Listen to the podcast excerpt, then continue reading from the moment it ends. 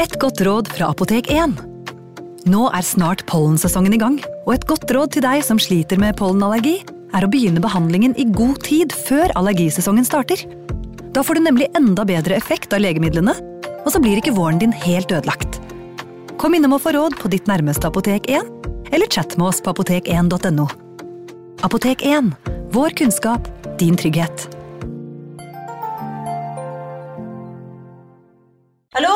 Jeg kommer fra Oslo politikammer. Ine Jansen er purk. Er du purk? The motherfucking bitch. Alt jeg vil, er å finne ut hva som skjedde med mannen min. Jon Carew. Er jeg sikta for noe? Iben Akeli. Det er du. Ole So, Lars Berrum og Big Daddy Karsten. Hvem sin side er du på, egentlig? Anette Hoff, Tone Danielsen, Kommer du fra Afrika?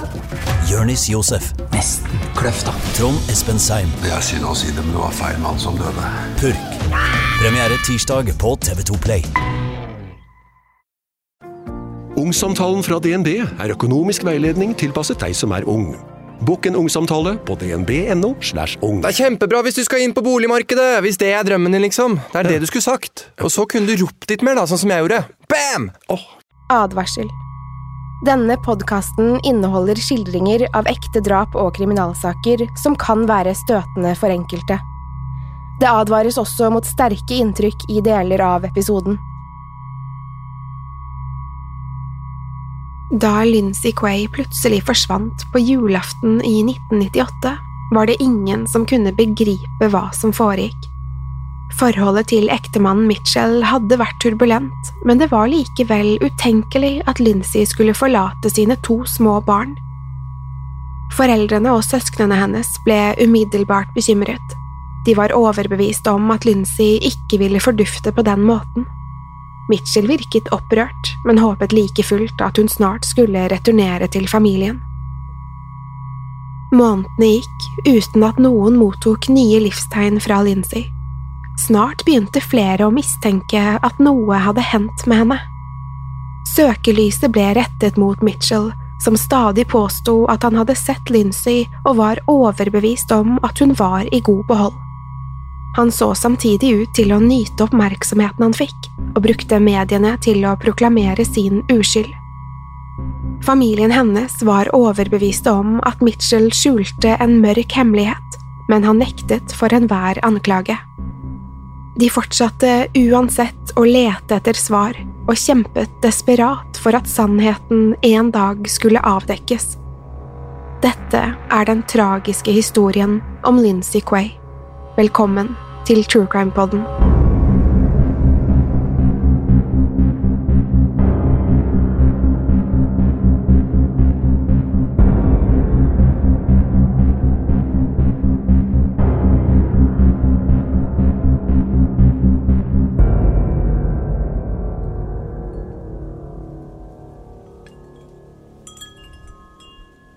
Lindsay Wilson vokste opp i Southport i England med sine foreldre og fire eldre søsken.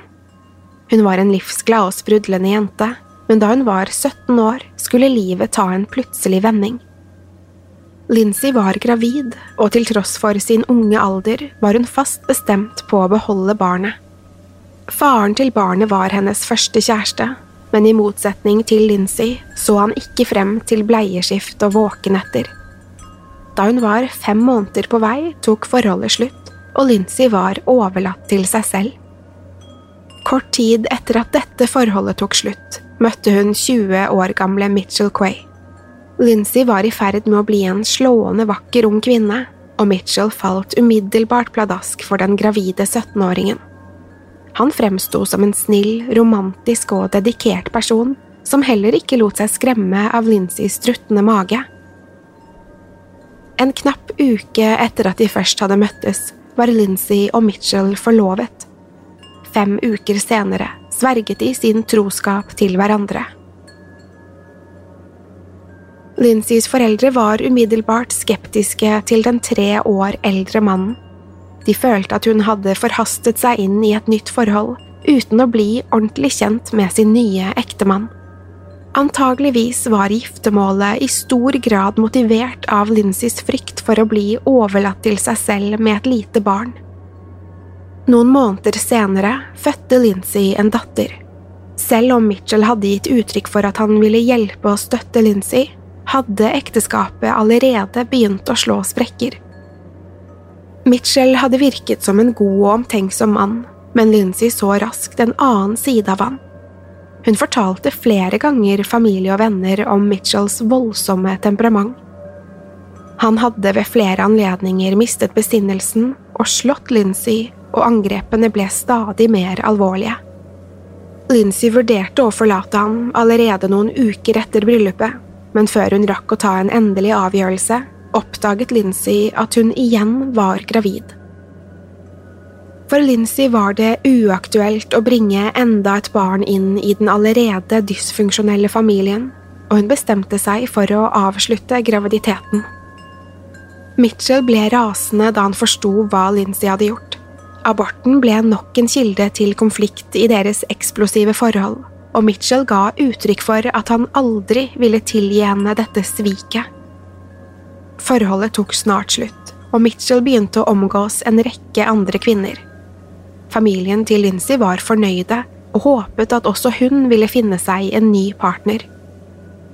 De ønsket at hun skulle være lykkelig, men følte at hun aldri ville finne noen stabilitet med Mitchell.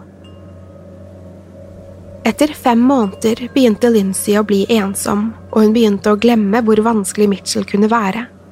Til tross for å ha blitt rådet til å tenke seg om, fant de snart tilbake til hverandre. Forholdet var fremdeles turbulent, men etter kort tid ble Lindsay nok en gang gravid. Selv om hun denne gangen hadde bestemt seg for å bære frem barnet, fortsatte den fysiske mishandlingen. Mitchell virket ute av stand til å kontrollere sinnet, og Lindsay levde i konstant frykt for når det neste angrepet ville finne sted.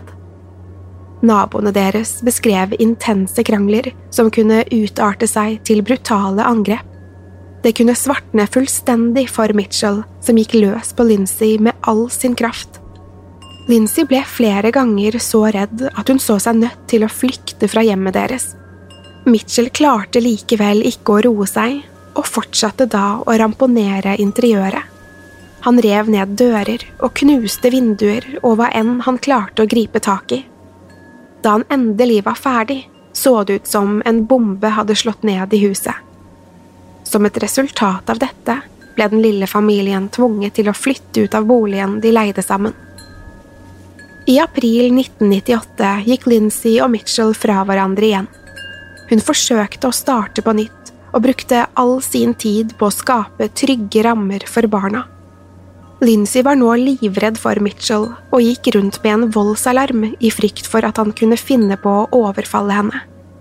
Hun nektet Mitchell å treffe barna men de avtalte likevel å feire sønnens ettårsdag i oktober som en familie.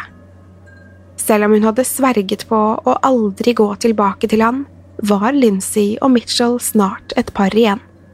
Hun skulle snart angre på denne avgjørelsen. Lindsay ble observert i live for siste gang den 15. desember 1998. Mitchell hevdet at hun hadde forlatt familien på første juledag men det var flere ting som skurret med hans historie. Lindsay ble nemlig ikke meldt savnet før den 5. februar. Det var ikke Mitchell som sto bak etterlysningen, det var heller ikke hennes familie eller venner. Lindsay ble først meldt savnet da en bekymret sosialarbeider ikke var i stand til å få tak i henne. I mellomtiden hadde ikke Mitchell engang nevnt for Lincys familie at hun hadde forsvunnet. Mitchell hevdet hardnakket at han hadde sett Lindsay flere ganger i tidsrommet mellom desember og februar. Han fortalte at han regnet med at hun snart ville returnere til familien sin. Om hun ikke savnet han, var hun vel ikke i stand til å forlate barna sine for godt? Selv om Mitchell fortsatte å insistere på at Lindsay var i god behold, var det ingen andre som kunne bekrefte disse observasjonene. Han hevdet at han hadde sett henne flere steder i den lille byen, blant annet i en butikk, på gaten og i en passerende bil, men ingen andre hadde sett Lindsay på flere uker. Forholdet til Lincys familie hadde lenge vært anstrengt, og Mitchell hevdet at dette var en av årsakene til at han ikke fortalte dem at hun hadde forsvunnet. Han hadde ingen grunn til å ta kontakt med dem, og var heller ikke bekymret for Lindsays ve og vel. Det var særlig Lindsays far, Peter Wilson, som ante ugler i mosen. Han hadde lenge vært skeptisk til Mitchell, men fryktet nå at Mitchell hadde skadet datteren hans. Politiet trodde heller ikke på Mitchells historier, og bestemte seg for å arrestere han den 27. februar 1999. Mitchell var på dette tidspunktet mistenkt for å ha drept Lindsay, og politiet var overbevist om at han sto bak forsvinningen. I tillegg var han tiltalt for svindel da han hadde forfalsket Lindsays underskrift og løst inn sjekker i hennes navn. Dette hadde funnet sted etter Lindsays forsvinning, og Mitchell var derfor nødt til å erkjenne sin skyld i denne delen av tiltalen. Han fortsatte likevel å nekte for å ha drept, skadet eller bortført Lindsay. Selv om politiet var overbevist om at Mitchell var involvert i forsvinningen, hadde de ikke nok håndfaste bevis til å sikte han på dette tidspunktet. De mistenkte at han hadde skadet og kanskje drept Lindsay, men uten et lik forble dette teorier og spekulasjoner. Mitchell ble dømt til samfunnstjeneste for trygdesvindel, men alle de mest alvorlige anklagene ble snart henlagt. Mitchell følte med dette at han var frikjent i saken, og uttrykte samtidig sin forakt for Lindsay. Istedenfor å melde sin bekymring, forsøkte han tilsynelatende å sverte henne i offentligheten. Han portretterte seg selv som en dedikert familiefar som nå hadde blitt overlatt til seg selv. Mitchell spilte på samfunnets oppfatning av den tradisjonelle kvinnerollen og fremstilte Lindsay som en dårlig mor. Hvordan kan hun forlate sine egne barn, var budskapet han ønsket å sende ut. Hun hadde bare bestemt seg for å dra og overlatt ansvaret for barna og husarbeidet til ham. For Lindsays foreldre, som fryktet at Mitchell hadde skadet datteren, var dette særlig provoserende. Mitchell var fremdeles en av ytterst få mistenkte i saken. Likevel gikk han ut i media med et ønske om å selv forme et narrativ der han var offeret i historien.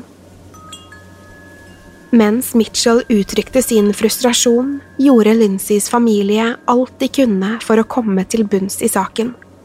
I sin desperasjon tok de kontakt med klarsynte, som kom med vage tips om hvor Lindsay befant seg.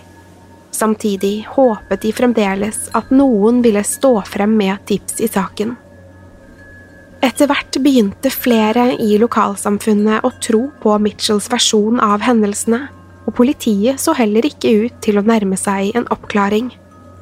Lindsays familie, og særlig faren hennes, var likevel overbevist om at Mitchell visste mer enn han ga uttrykk for. Peter Wilson brukte utallige timer på å søke etter datteren.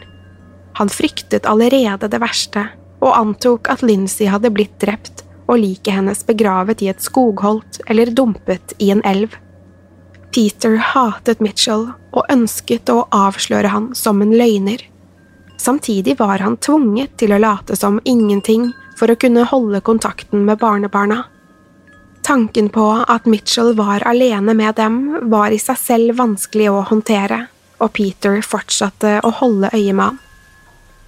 I et forsøk på å spille på Mitchells samvittighet ble det hengt opp savnet-plakater over hele byen.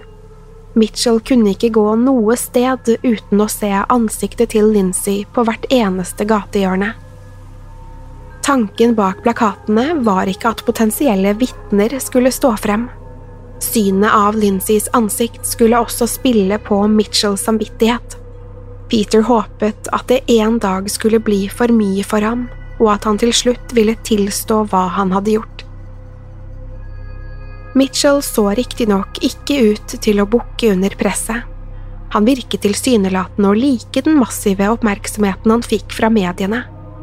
I de mange intervjuene i aviser og på TV fortsatte han å spinne historien for å fremstå mer sympatisk. Han var den tapre alenefaren som kun ønsket at barna igjen skulle ha en mor. Mitchell inviterte til og med et filmteam til å følge han over en lengre periode.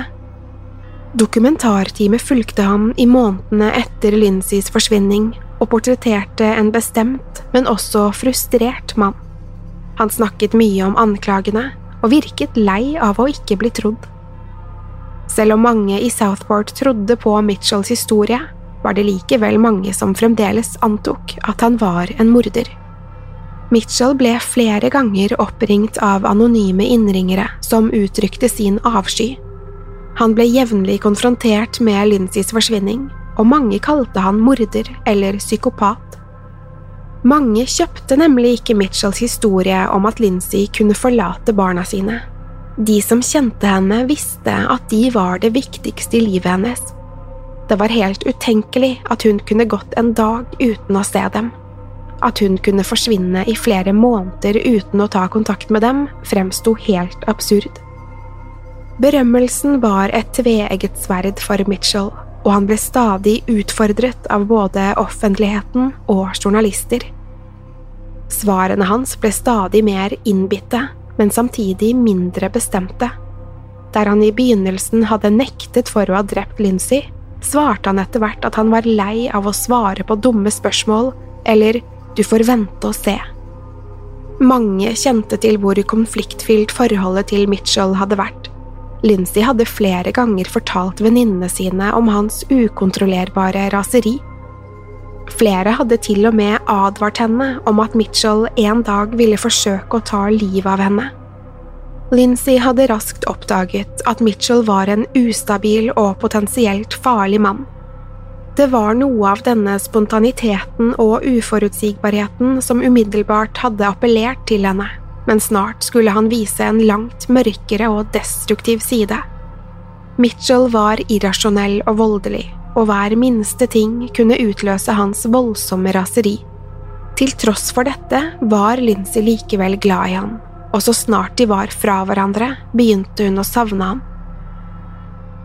Over et år etter Lincys forsvinning tok Mitchell selv kontakt med politiet.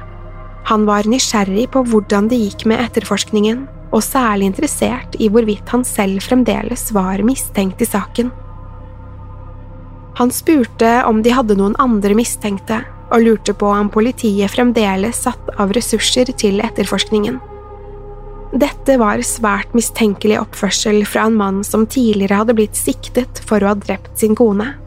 Han virket heller ikke interessert i å bidra til å oppklare saken. Mitchell var verken bekymret eller håpefull, og spurte kun om de mistenkte, ikke hvorvidt politiet trodde de kunne finne Lindsay. I stedet for å la saken ligge, gikk Mitchell igjen til pressen. Han presenterte seg igjen som et offer, og hevdet at han kontinuerlig ble trakassert av politiet. Mitchell antydet at han hadde blitt arrestert og anklaget for drap, uten at det eksisterte et eneste bevis mot han. I et intervju trykket i lokalavisen gjorde Mitchell det tydelig at han derfor vurderte å gå til sak mot politiet dersom deres gjentatte forsøk på justismord ikke tok slutt. Mitchell håpet antageligvis at dette ville få ham til å fremstå uskyldig i offentlighetens øyne, og i beste fall tvinge politiet til å avslutte etterforskningen. Han så muligheten til å bruke pressen for å fremme sin sak. Samtidig virket det fremdeles som at Mitchell likte å være i rampelyset. Dette var hans 15 minutter med berømmelse, og han ønsket å nyte det mens han kunne. I det samme intervjuet uttrykte Mitchell at han ønsket å finne Lindsay for å en gang for alle bevise at han var uskyldig. Med dette hadde Mitchell initiert til krig med politiet. Han utfordret deres integritet og antydet at de ikke visste hva de holdt på med. Det var riktig at politiet manglet bevis, men de hadde aldri sluttet å etterforske saken. Mitchell Quay var fremdeles deres hovedmistenkte, og politiet hadde ingen planer om å la han gå ustraffet. Mitchells hovne og nesten kjepphøye fremtoning var også vanskelig å takle for Lindsays familie. De var overbevist om at han ikke fortalte sannheten, likevel hadde han fått lov til å gå rundt som en fri mann i over et år. Peter var fremdeles overbevist om at Mitchell hadde drept datteren hans, og fryktet at det bare var et spørsmål om tid før han kunne skade noen igjen. Politiet hadde fremdeles ikke funnet et lik, men de var like fullt overbevist om at Mitchell hadde drept Lindsay. Han hadde allerede blitt avslørt som en løgner og dømt for å ha forfalsket konas underskrift. Mitchell var også den eneste med et åpenbart motiv. Lindsay hadde nemlig til slutt fått nok av ektemannens ustabile og voldelige atferd. I desember 1998 planla hun derfor å forlate ham for godt. Hun hadde avtalt å møte med en advokat den 16. desember for å formalisere skilsmissen, men møtte aldri opp. Det var ingen som hadde sett Lindsay i live etter 15. desember, og etterforskerne antok at hun denne kvelden hadde konfrontert Mitchell. De mente at han hadde angrepet Lindsay og drept henne i blindt raseri. Mitchell hadde ikke presentert noen god forklaring på hva som skjedde mellom 15. desember og julaften 1998. Lindsays familie hadde forsøkt å få kontakt med henne i flere dager, men Mitchell hevdet at telefonen deres var ødelagt. Selv om Lindsay forsvant første juledag, gjorde aldri Mitchell noe forsøk på å etterlyse henne. Han nevnte ikke forsvinningen for noen før en sosialarbeider uttrykte sin bekymring i februar. Selv om Mitchell begynte å føle seg urørlig, hadde ikke politiet lagt saken død. Den 7. juni i år 2000, halvannet år etter Lindsays forsvinning, ble Mitchell Quay igjen arrestert av politiet. De siktet han nok en gang for drap, og gjorde det tydelig at det ikke var noen vei utenom denne gangen. Mitchell nektet likevel å prate. I avhørene satt han som stum, mens etterforskerne stilte utallige spørsmål om Lindsays forsvinning. Det virket som at Mitchell ikke hadde noe ønske om å samarbeide med politiet, men plutselig endret han mening. Etter å ha pratet med advokaten sin, virket han å forstå at det ikke lenger var noe poeng å kjempe imot. Hans trusler om å saksøke politiet ville aldri føre noen vei, og etterforskerne var overbevist om at de hadde arrestert rett mann. Selv om de allerede var sikre i sin sak, skulle de likevel bli sjokkerte da Mitchell begynte å tilstå. Det var ikke innrømmelsen i seg selv som sjokkerte, men beskrivelsene av hva han hadde gjort. Mitchell hadde nemlig ikke bare drept Lindsay, han hadde partert liket for å så dumpe kroppsdelene på ulike steder i byen. Så snart hun var død, hadde han lagt henne i badekaret og begynt å skjære av én og én kroppsdel. Han hadde fjernet hodet hennes før han kuttet av hendene og deretter begge bena. Så snart han hadde gjort dette, pakket han det inn i tøy eller plast og forberedte seg på å kvitte seg med bevismaterialet. Det mest forstyrrende med det hele var at barna hadde vært i huset mens han parterte Lindsay. Uvitende om hva som hadde skjedd, hadde han også tatt de med da han dumpet likrestene rundt i byen. Disse detaljene avslørte en helt annen side av den allerede mørke og tragiske historien. Politiet hadde antatt at Mitchell var en utspekulert og kynisk mann, men denne historien gjorde han til et monster. Han så ut til å ha bestemt seg for å partere Lindsay, nærmest på impuls, og selv etter å ha utført en så morbid handling, sto han foran både familie, venner, politi og presse mens han latet som om ingenting hadde skjedd. Det var ikke nok at han prøvde å få seg selv til å fremstå mer sympatisk, han var samtidig villig til å sverte Lindsays rykte. Mitchell tok med seg politiet til stedene han hadde dumpet de ulike kroppsdelene. Igjen var det et kamerateam som fulgte dem rundt, og Mitchell så fremdeles ut til å nyte oppmerksomheten. Han lo og smilte mens han småpratet med politimenn og journalister, og uttrykte verken anger eller skyldfølelse. Den uberørte fremtoningen gjorde at han av pressen ble døpt The Smiling Killer. Slaget var tapt, men han virket likevel opptatt av hvordan han ble fremstilt til enhver tid. Kroppen til Lindsay ble funnet, men Mitchell hevdet at han hadde kastet Lincys hode og hender i søppelposer. Han mente at dette hadde blitt hentet sammen med annet avfall, og at de antageligvis befant seg på en søppelfylling. Disse kroppsdelene ble aldri funnet av etterforskerne. Den makabre slutten på Lindsays liv ble en siste grusom oppdagelse for familien hennes. De hadde kanskje fått en oppklaring, men nå måtte de for alltid leve med denne informasjonen. Mange følte også skyldfølelse for at de ikke var i stand til å hjelpe Lindsay. Hun kom med flere rop om hjelp, og til tross for flere forvarsler måtte hun til slutt bøte med livet. Selv om rettferdigheten til slutt seiret og Mitchell Quay ble funnet skyldig, var dette en hul seier. Mitchell ble dømt til livstid i fengsel, og hans bror Elliot ble dømt til syv års fengsel for å ha hjulpet til med å dumpe likrestene.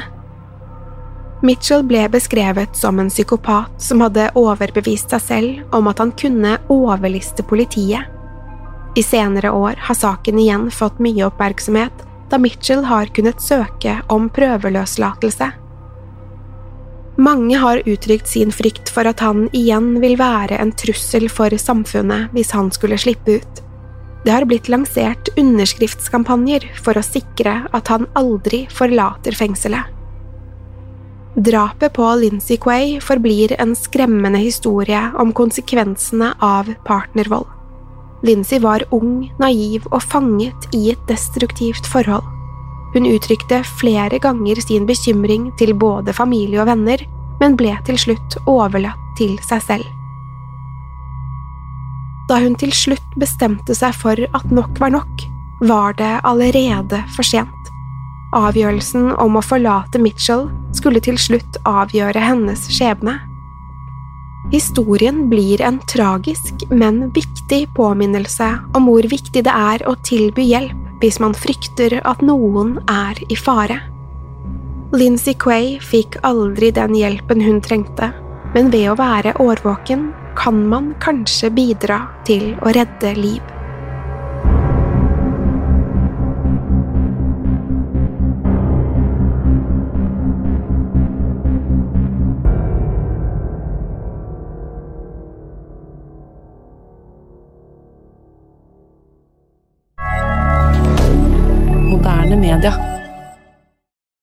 Har du et enkeltpersonforetak eller en liten bedrift? Da er du sikkert lei av å høre meg snakke om hvor enkelt det er med kvitteringer og bilag i fiken, så vi eh, gir oss her, vi. Fordi vi liker enkelt. Fiken superenkelt regnskap. Hei! Takk for at du lytter til True Crime Podden. Skulle du ønske at du kunne høre en ny episode av denne podkasten hver eneste uke? Vel, da er det bare å laste ned podkastappen Untold med en gang. I tillegg til ukentlige episoder av podkaster som Skrekkpodden, Synderne og Henrettelsespodden, får du masse annet reklamefritt og eksklusivt innhold. Last ned Untold i AppStore eller Google Play, og start din 30 dagers prøveperiode i dag.